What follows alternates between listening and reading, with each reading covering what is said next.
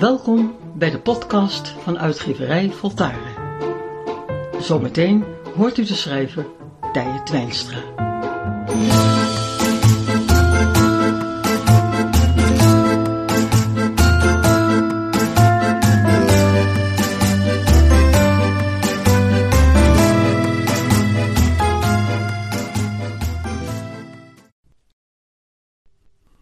Op Siebel kun je altijd rekenen.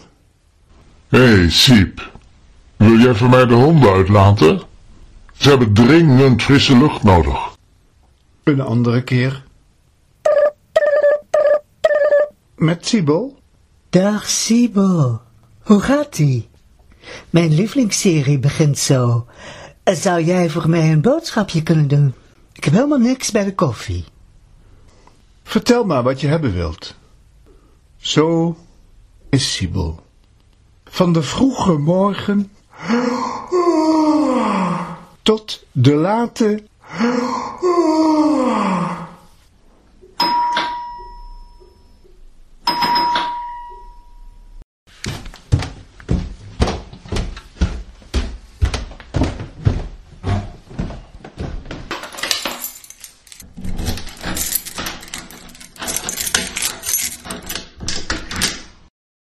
Sorry, sorry dat ik zo laat nog aanbel. Maar uh, Danielle kan niet slapen.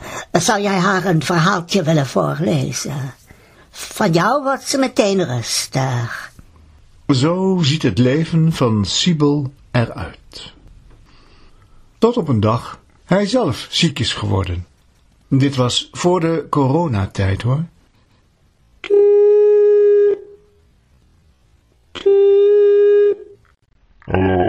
Met Siebel. Ik, ik ben ziek en wil je vragen of je wat fruit en honing voor mij wilt halen. Wat? Nu? Oh, weet je, het komt niet zo goed uit vandaag. Kan het ook een andere keer?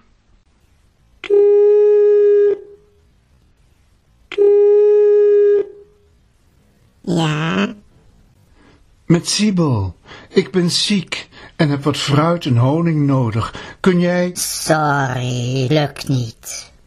Ik sta op het punt om met vakantie te gaan. Doei.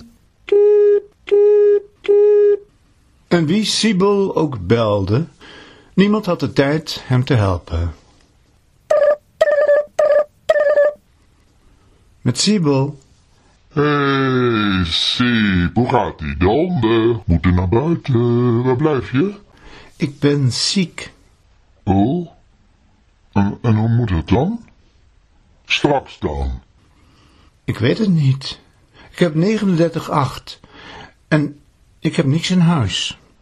Oké, oké, nou. Beterschap dan maar.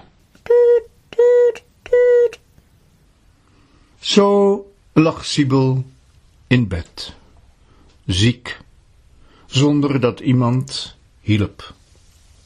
Hij probeerde zich aan te kleden, om dan zelf maar boodschappen te doen. Dit ging niet makkelijk. Hij rustte even uit en keek door het slaapkamerraam naar buiten. Aan de overkant waren nieuwe mensen komen wonen. Een vrouw was de slaapkamer aan het verven. Ze zag Siebel staan en zwaaide. Siebel zwaaide terug. Ze keek naar hem en schreef toen iets op. Ze hield het papier voor het raam. Alles goed? stond erop. Siebel pakte ook papier en schreef met de dikste viltstift die hij kon vinden: Ik ben ziek. De vrouw keek hem nog even aan en liep de kamer uit. Even later ging de bel. Siebel was ondertussen aangekleed en al halverwege de trap gekomen.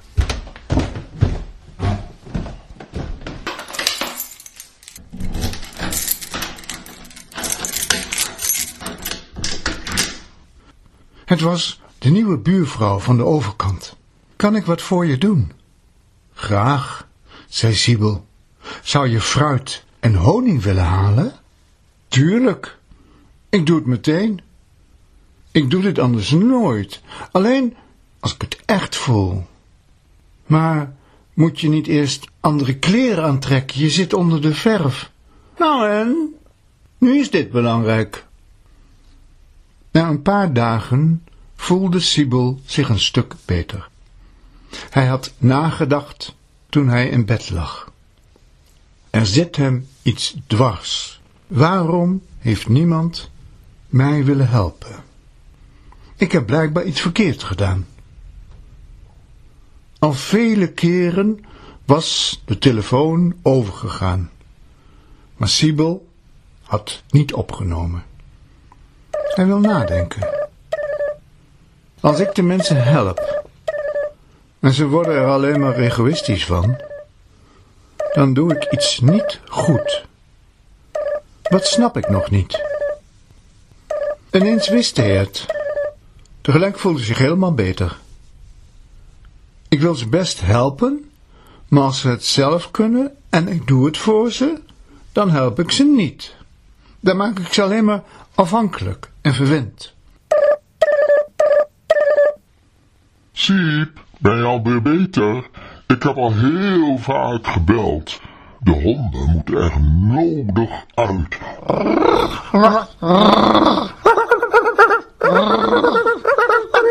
Ja, dat snap ik. Maar dat is jouw verantwoordelijkheid. Jij hebt ze aangeschaft en moet er dan ook voor zorgen. Of je moet ze wegdoen. Als je ziek bent en je kunt niemand vinden, dan wil ik je best helpen. Maar nu kun je het heel goed zelf. Wat? Wat, wat is er met jou gebeurd? Volgens mij ben je hartstikke ziek. En zo deed Sibyl dat voortaan bij iedereen die om hulp vroeg. Maar niet bij de nieuwe buurvrouw. Want die wist al wat hij zojuist voor het eerst had begrepen.